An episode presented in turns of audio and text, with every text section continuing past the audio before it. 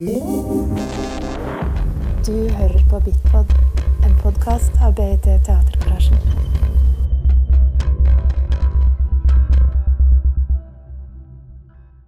Ok, hei, velkommen igjen. Det gikk jo litt fortere enn vi trodde.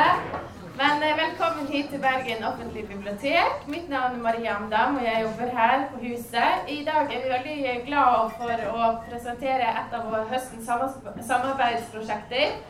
Nemlig sammen med Beat eh, Teatergarasjen.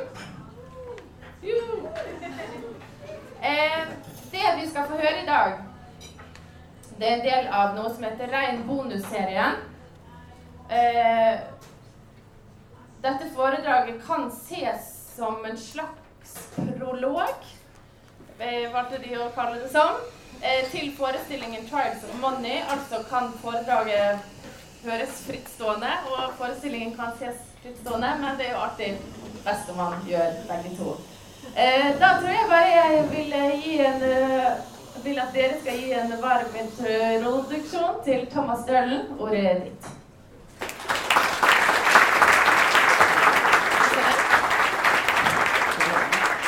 Den skal være Ja, hører dere meg? Ja. Ehm,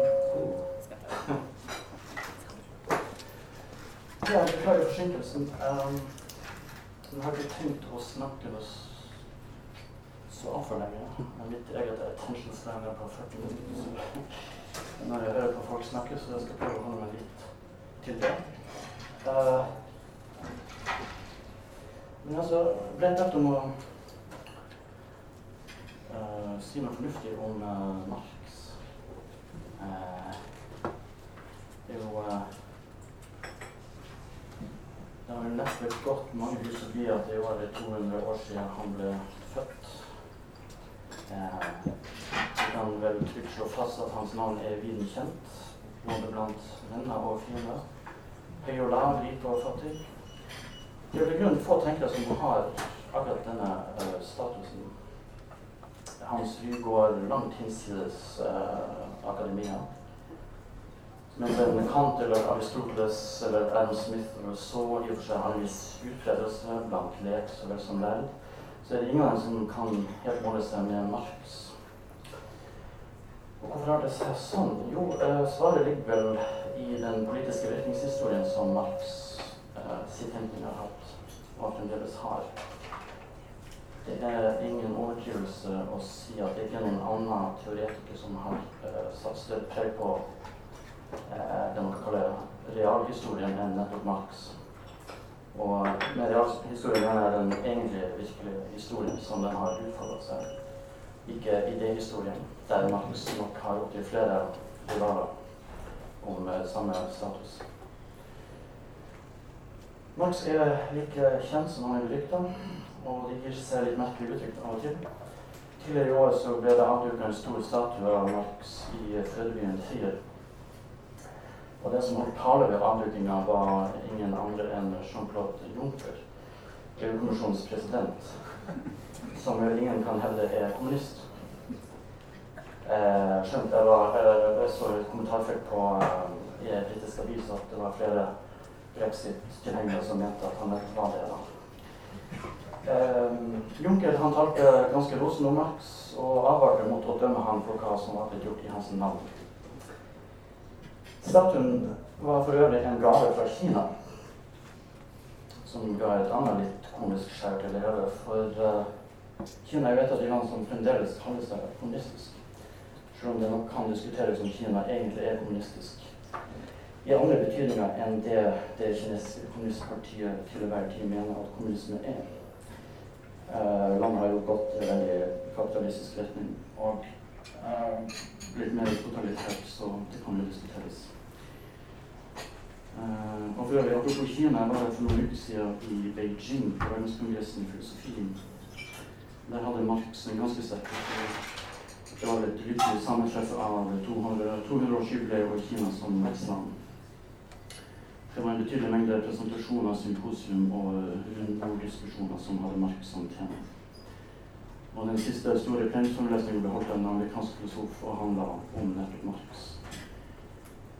Han fikk uh, imidlertid uh, svar på tiltale fra publikum. Det var en filosof fra Litauen som tok ordet og påpekte at hans land ikke bare hadde vært okkupert av nazister, men også kommunister, og tok sterk avstand fra det hele.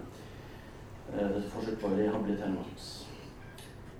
Og det er egentlig, Man skulle kanskje forvente mer av en filosof, men det å sette Marx, og da i egenskap av kommunismen såpass mange i samme båt som nazismen, er jo en heller tvilsom strategi. Man kan gjerne ta avstand til kommunisme og nazisme som totalitært system, men det blir litt unyansert å implisere at Marx hører hjemme i samme selskap som eh, Adolf Hitler eller Alfred Rosenberg. Og Vi hører også lignende uh, påstander på hjemmebane. Da Audun Lysbakken skulle bli leder i SV, så kom det en del surmuling fra folk litt lenger til høyre. Og det kom en del påstander om at um, Jeg skal ikke nevne hvem som sa det. kanskje og en som sa at er du en gang nazist og en gang marxist, så har du i blodet du vil aldri kvitte. Sånn advarte mot Lysbakken som en uh, samfunnsfiende. Vel, alt dette sier jo litt om hvor kontroversiell Marx er, og hvor misforstått hans tenkning er. For så vidt også. Nå kan jo ingen legge skjul på at totalitære stater har funnet inspirasjon hos Marx. Men nazismen fant jo også inspirasjon hos Darwin, uh, uten at noen seriøst kunne si at Darwin kan være ansvarlig for nazismens forbrytelser. Men andre ord, det er aldri mulig helt å forutse hvordan filosofi og vitenskap kommer til å virke politisk. Likevel er det klart at Marx' tenkning har en veldig klar politisk dimensjon. Ikke bare var han sjøl eh, politisk aktivist i sin ungdom. Eh, hans skrifter er jo også i høyeste grad et politisk prosjekt, eller uttrykk for et politisk prosjekt. Marx er likevel rimelig tydelig sjøl på at hensikten med kritikken av kapitalismen er vitenskapelig. Han vil forklare hvordan kapitalismen som økonomisk system fungerer. Men uh, Marx kommer jo ikke unna normative betraktninger. Og sånn er det som regel med alle teorier om samfunn og mennesker, hvor verdinøytral de enn er ment å være av uh, opphavsmannen eller påsken. Men uh, til dagens tema, hva var det da egentlig med Marx? Hva var det han var ute etter? Uh, at han kritiserer kapitalismen, vet jo alle. Men hva slags filosofiske motiver ligger til grunn for hans kritikk? Jeg skal prøve å gi et ørlite svar på det. Det er jo et veldig stort tema. Uh, men uh, jeg skal ikke betrakte han som økonomen, så hvis dere kom hit fra å Da mer om Das Kapital, som jeg skuffer dere litt. Jeg skal heller ikke snakke om han som politisk aktivist, men altså som filosof i mer snau. Nå er jo problemet for alle som skal beskjeftige seg med Marx, at han er en tenker som for å si det mildt har trukket til seg mye oppmerksomhet. Litteraturen om Marx er enorm, og litteraturen om litteraturen er nesten like omfangsrik.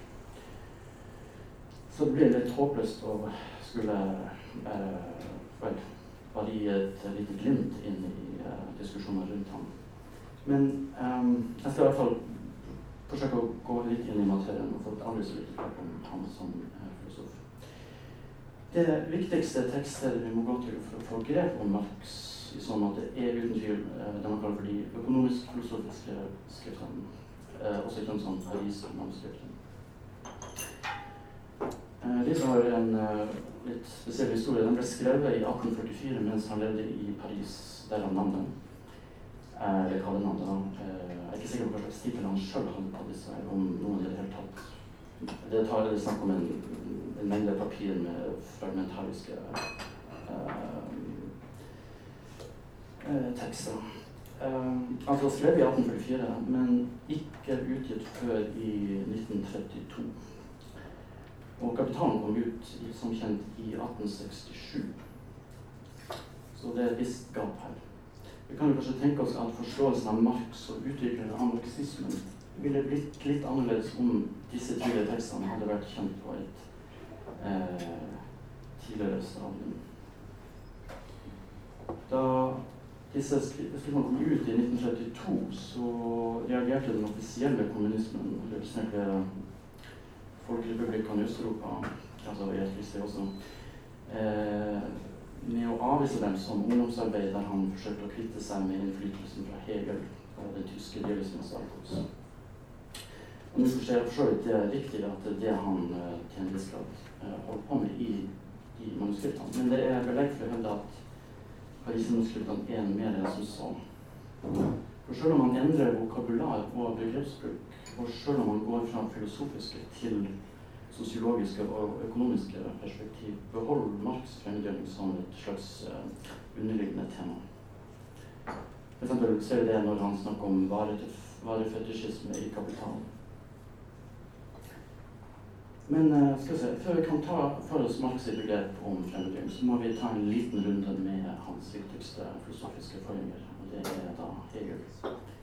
Det er fra Hegel at Marx henter sitt eget begrep om fremmedgjort arbeid. Og både arbeid og fremmedgjøring er sentrale begrep uh, som henger tett i hop hos Hegel sjøl. Først arbeid. Arbeid, eh, Hegel ser mennesket som et aktivt vesen. Vil si mennesket står i et slags aktivt forhold til sine omgivelser, ikke et passivt mottakende forhold. Mennesket har en innvirkning på naturen, på samme måte som naturen har innvirkning på mennesket. Og arbeid er for Hegel en prosess som skiller oss fra dyrene.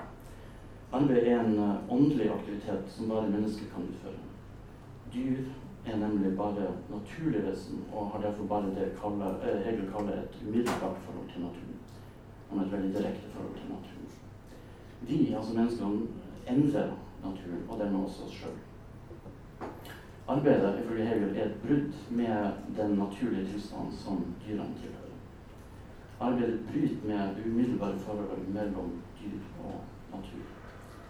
Dette er for Hegel et kjennetegn ved mennesket. At det arbeider, eller rett sagt at det, det bearbeider naturen. Da er vi også inne på temaet fremgjøring. For når mennesker bryter med det umiddelbare, når mennesker bryter med den lyriske tilstanden, blir det også fremgjort. Det mister seg sjøl. Uh, eh, dette poenget er, utvikles av Hegel i en slags kunnskapsteoretisk uh, måte. Uh, det er ved å miste seg sjøl i det ukjente, det fremmede, det som er annerledes, at vi lærer eller tilegner oss nye kunnskaper. Samtidig er det gjennom fremmedgjøring at vi utvikler sjølbevissthet det å bli fremmedgjort, at bevisstheten kommer til seg sjøl. At, uh, at man oppnår sjølbevissthet. Bevisstheten er uh, um, fremmed i en verden av objekter. Objektene er fremmed for bevisstheten. Bevisstheten er fremmedgjort i annet. Det er veldig teknisk teknisk måte å si det på. Men um, det ble litt klarere etter hvert. Eh, bare en ting til. Denne tilstanden, I denne tilstanden fremdeles så ligger også mulighetene for oppheving av fremmedgjøring. Eh, bevisstheten blir i stand til å komme hjem til seg sjøl. Nå tar Marx til seg disse emnene som arbeid og uh, fra Hegel, men han kritiserer Hegel på flere punkt. For eksempel, viktigst er at han kritiserer Hegel for eh, at han skulle si bare omhandle åndelige forhold, ikke materielle forhold. Ifølge Marx så knytter ikke Hegels filosofi seg til den virkelige verden. I stedet eh, vender Marx seg til eh, Ludvig Feuerbachs materialistiske kritikk av Hegel. Jeg tenker å gå inn på det i detalj. Men uh, um, poenget her er at uh,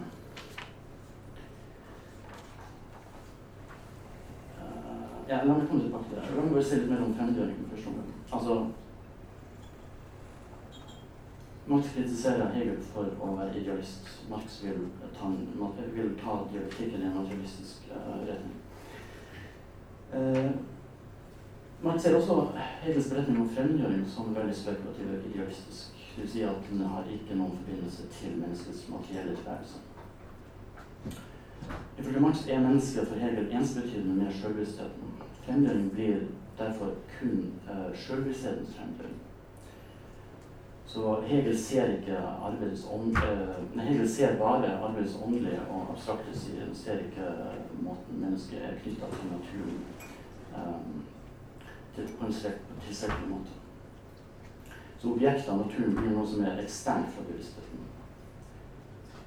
Og det mener Marx er feil. Vi har en mer uh, Vi har et uh, grundigere forhold til, uh, til objektene, til naturen. Et, et aktivt materialistisk krav. Så Marx er enig med Hegel i at arbeid kjennetegner menneskeheten som art. Mens dyr har et umiddelbart forhold til naturen, så står mennesket et særskilt aktivt forhold til sine naturlige omgivelser. Mennesket bearbeider naturen. Dyret derimot inngår i naturen fullt og helt. Nå kan man eh, diskutere om Marx egentlig har forstått Hegel rett. Det er en del diskusjoner rundt dette, da, at, at Marx eh, overdriver Hegels idealisme. For Hegel er gjennomgående opptatt av det han kaller den virkelige verden. Eh, det er få hegelianere i dag som vil være enig i at Hegel er den type idealist som Marx mener han er. Eh, og som mange andre også fortolker han på 1800-tallet. Men eh, det er for så vidt en annen historie. Da. Det er i hvert fall sånn eh, Marx forstår Hegel. Og det er det som var viktig for oss her. Um, så altså, Poenget hittil er at Marx' forståelse av arbeid og fremmedgjøring er materialistisk på en tydeligere måte i alle fall enn Hegels. Men eh, la oss nå endelig da se på hvordan Marx forstår begrepet om fremmedgjøring. Ifølge Marx er mennesket fremmedgjort i fire henseender. For det første i forhold til produktet, dvs. Si objektet. For det andre i forhold til produksjonsprosessen. For det tredje i forhold til mennesket som art. Og for det fjerde i forhold til sine medmennesker. Jeg skal ta uh, de fire i turorden. Først uh, fremdeling i forhold til produktene. Det at arbeideren, mennesket, fremmedgjøres i, i sitt produkt, betyr at produktet får en eh, slags ekstern og uavhengig eksistens. I arbeidet blir objektet til noe som er fremmed for mennesket, for arbeideren. Det fremgjorte arbeidet i det kapitalistiske samfunnet står i kontrast til førkapitalistiske samfunn, der produksjon som regel foregår innenfor ei husholdning eller eh, i et lokalsamfunn.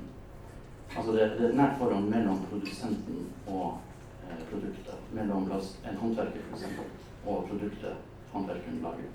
Det er et nært forhold mellom arbeidet og arbeidets resultat.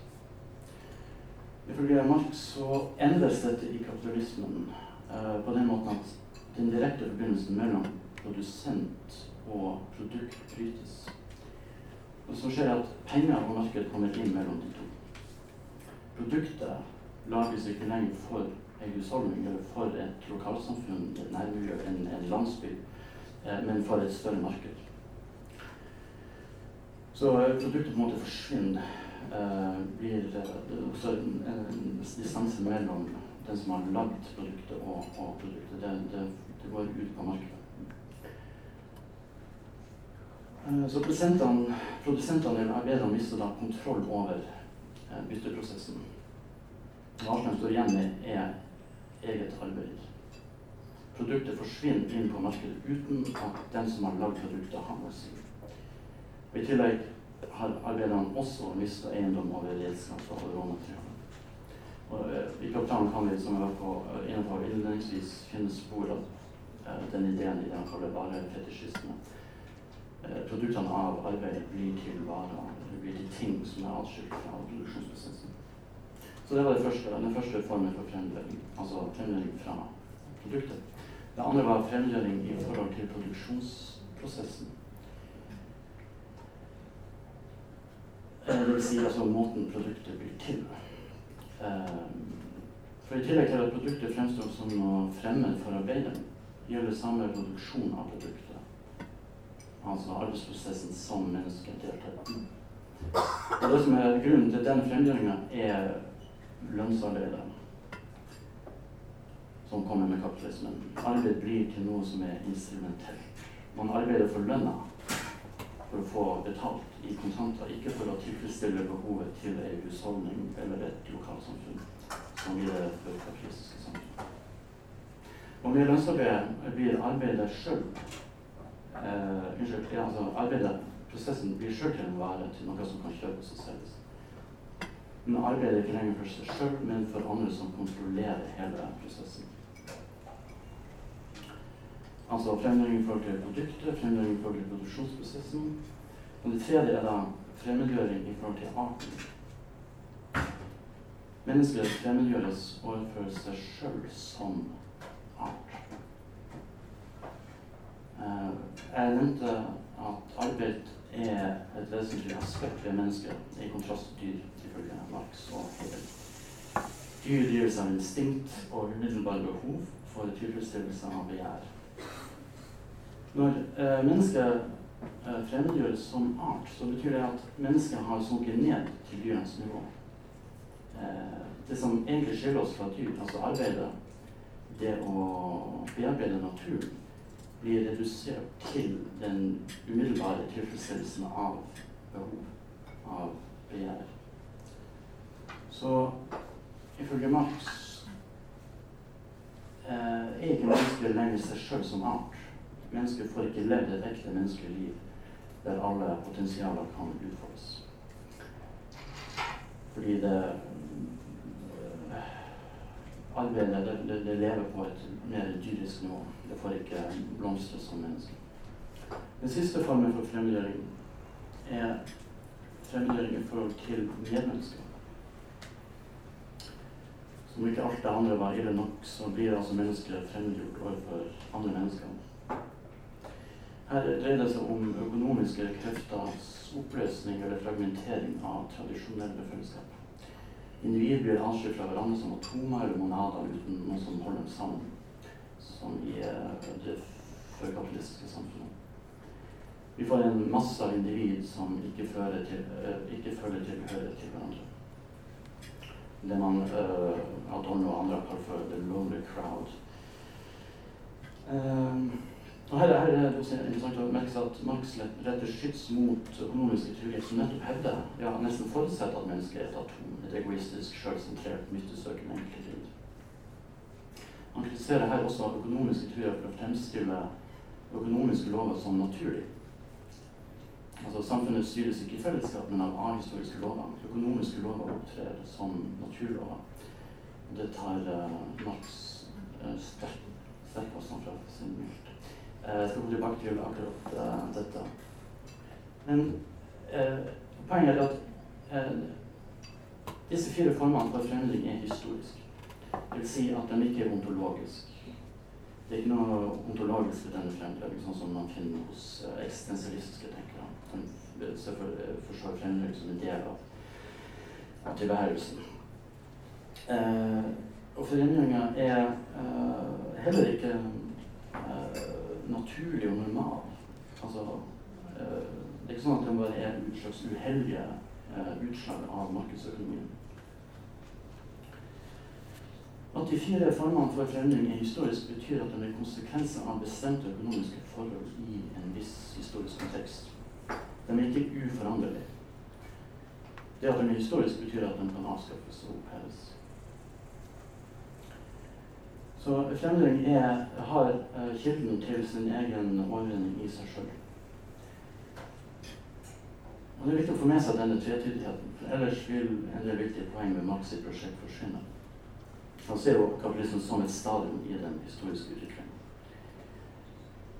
Uh, la meg ta de fire fondene for for å få frem denne ferien litt, litt bedre. Fordi, uh, ja, La oss ta den første formen uh, for fremdring, altså i produktet. Det er, det er for så vidt en vinning i det at arbeideren ikke lenger er bundet så fast til objektet som i førkapitalistisk samfunn. Det kan være snakk om det kan være uh, påtvunget arbeid og håndverkerløyver. Uh, det kan være lett å ha et veldig romantisk syn på uh, førkapitalistisk samfunn med håndverkere som forblir sin lest og lever lykkelig i en landsby. Uh, men det er ikke nødvendigvis uh, tilfredsstillende for for den gjelder. Uh, altså Marx er ikke en romantiker i den forstand. Fremmedgjort arbeid skal overvinnes, insisterer Marx. Det er eh, viktig å se at det er steg på veien som også åpner opp for nye muligheter og bedre arbeidsformer der produsenten kan oppnå en bedre relasjon til objektet, til produktet. Altså en type arbeid der mennesker kan få et mer tilfredsstillende forhold til sitt produkt. Eh, med hensyn til den andre formen for fremmedgjøring, altså i forhold til uh, produksjonsprosessen, så er det et fremskritt sammenlignet med det førkapitalistiske samfunnet at denne prosessen ikke er begrensa til husholdning eller lokalsamfunn og bare tilfredsstiller lokale behov, men også tilfredsstiller universelle behov. Lønnsarbeid gjør det mulig for arbeideren å være mer fristilt overfor arbeidslivet. Arbeideren er ikke nødvendigvis fast bundet til en enkelt arbeidsgiver, men inngår i et arbeidsmarked med arbeidsdeling. Men Marx mener også at denne her produksjonspressen vil bane vei for en ny måte å organisere arbeidslivet på, slik at uh, produksjonen igjen kan komme under en uh, rasjonell menneskelig kontroll og ikke være prisgitt uh, markedets irrasjonalitet. Med hensyn til den tredje formen for fremdeling, altså i forhold til menneskearten, er det et fremskritt at produksjon ikke så nært knytta til naturlige behov. Um, Lønnsarbeid endrer dette. Arbeidet blir instrumentelt, det utføres for få lønn. Uh, det er fremmedgjørende, som sagt, men det ligger også en mulighet til å overvinne fremmedgjøringa her, uten å vende tilbake til det rent naturlige forholdet mellom liv og arbeid som hersker i det før industrielle samfunn. Altså, Marx vil ikke at vi skal leve som dyriske vesen. Han vil ikke så å si, tilbake til tilstanden før fremmedgjørende. Eh, han vil at vi skal få utfolde, utfolde våre potensial. Menneskearten er altså mer enn bare tilfredsstillelsen av naturlig eh, Så til sist den fjerde formen for fremmedgjøring, altså forholdet til andre mennesker.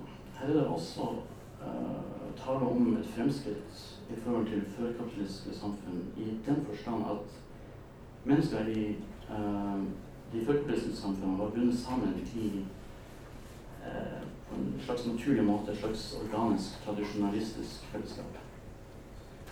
Markedsøkonomien kommer inn og endrer uh, dette i og med at individer kan bryte ut av denne typen fellesskap, som igjen kan være uh, undertrykkende på sin måte.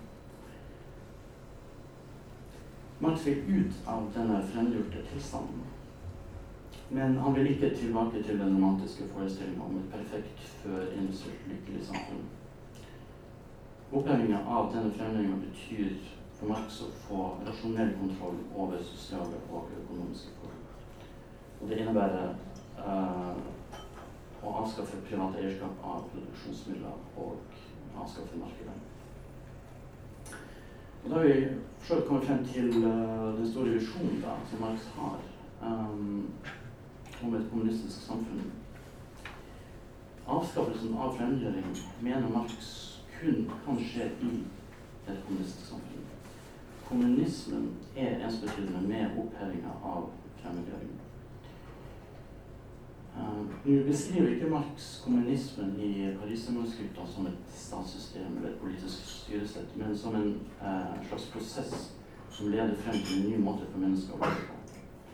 Han beskriver kommunismen som fullendt naturalisme og på samme tid som en fullendt humanisme, der splittelsen av natur og menneske opphører. Eh, det er altså en, type ny uh, måte å leve på der mennesker kan finne igjen til seg sjøl. Altså overvinne denne her fremmedgjøringa som kapitalismen har med.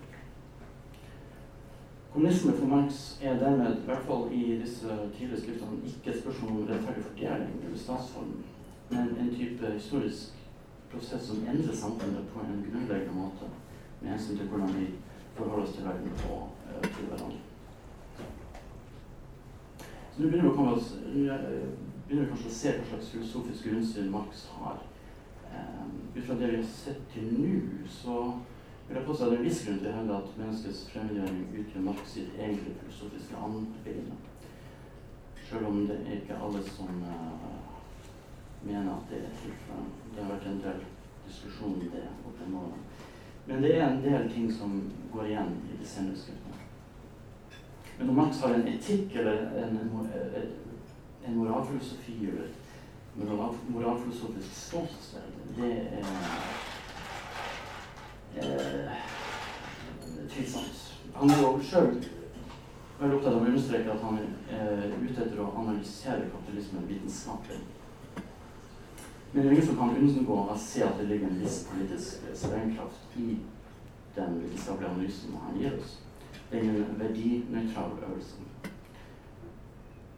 Uh, som jeg sa, det har seg gjerne sånn at den som selv de som insisterer på at en vitenskapelig teori er verdinøytral, selv når det gjelder menneske og samfunn, uh, sjøl har disse normative fordommer. Det er ikke til å. Normativitet eller etiske holdninger, det kan man vil kalle det, blir med på lasset enten man vil eller ikke. Noen vil eh, si at Marx står for en slags humanisme. Um, mennesker blir som nevnt i kapitalismen fremmedgjort overfor naturen det bearbeider, og også egen natur, både objekt og, og mennesker. Men eh, vi kan ikke egentlig og Det hersker en viss enighet om det. Eh, har jeg inntrykk at vi kan, Det er vanskelig å tilskrive en oppfatning av mennesket, om at mennesket har en, en natur, innenfor sånn at det har en slags essens, eller egentlig vesen og at uh, fremdelinga da er en type tilstand som forhindrer at mennesker kan utfolde sin egentlige natur. At det er en egentlig essens som mennesker må få utfolde. Altså at det er en type essens som en slags ahistorisk konstant som er bare blitt hemma av kapitalismen. Det, Marx og også Hegel uh, er ute etter, er egentlig individets muligheter for å virkeliggjøre seg sjøl det som uh, står på spill, er ikke virkeliggjøringa av en essens så mye som muligheten til å utfolde ens uh, kreative evner. Og det forutsetter ikke at man har et begrep om menneskenatur. Vi kan merke oss at eksistensialismen har et begrep om fremgjøring. Men som nevnt er dette da et mytologisk begrep, f.eks. hos Heidegger. Det er ikke et egentlig historisk begrep. Hos Heidegger er fremdeling et karakteristisk trekk ved den menneskelige tilværelsen. Og I så måte er det særdeles vanskelig å oppheve. Eh, men hos Marx og Hegel er fremdelinga et opphavelig historisk fenomen. Det kommer historien, og det kan bli kvitt gjennom og i historien. Det at fremgjøring er historisk i sin opprinnelse, betyr også at den kan oppheves, avskaffes. Og det er et ganske viktig brudd med markedsøkonomisk teori som eh, naturaliserer samfunnsøkonomi. Herunder også fremmedbygging. Eh, så det store målet for Marx er, kan vi si med en viss sikkerhet, eh, menneskets eh, sjølrealisering. At mennesket finner igjen til seg sjøl, og at det kan la sine evner få utfolde seg fritt. I uh, det uferdige manuskriptet ved navn 'Den tyske ideologi', som ble skrevet litt etter Pariser-manuskriptene, men som heller ikke kom ut før i Melkbeksten, så sier Marx følgende Det er veldig kjent sitat, som dere kanskje har hørt før. I det kommunistiske samfunnet hvor ingen har en eksklusiv krets av virksomhet, men kan utdanne seg i hvilken retning man vil, regulerer samfunnet den allmenne produksjonen og gjør det nettopp derved mulig for meg å gjøre noe i dag og noe annet i morgen. Å drive jakt om morgenen og fiske om ettermiddagen. Stelle kyr om kvelden. Og etter måltidet å kritisere så mye som jeg har lyst til. Uten at jeg noen gang blir jeger, fisker, gjeter eller kritiker. Eh, så her får vi da skimte, skimter vi hva Marx ser for seg. At individet skal bli helt. At individet skal, mennesker skal få mulighet til å gjøre alt det det kan. Så kan vi diskutere hvordan det er mulig å eh, realisere. Eh, men mange sier poenget at så lenge samfunnet styres av kapitalistiske samfunn, lønnsomhet, nytte eh, markedet, vil mulighetene for å leve et helhetlig liv eh, være umulig. hadde ikke tenkt å si noe mer, egentlig. Vi kan, hvis det er noe som er uklart, kan vi jo ta det som spørsmål eller kommentar.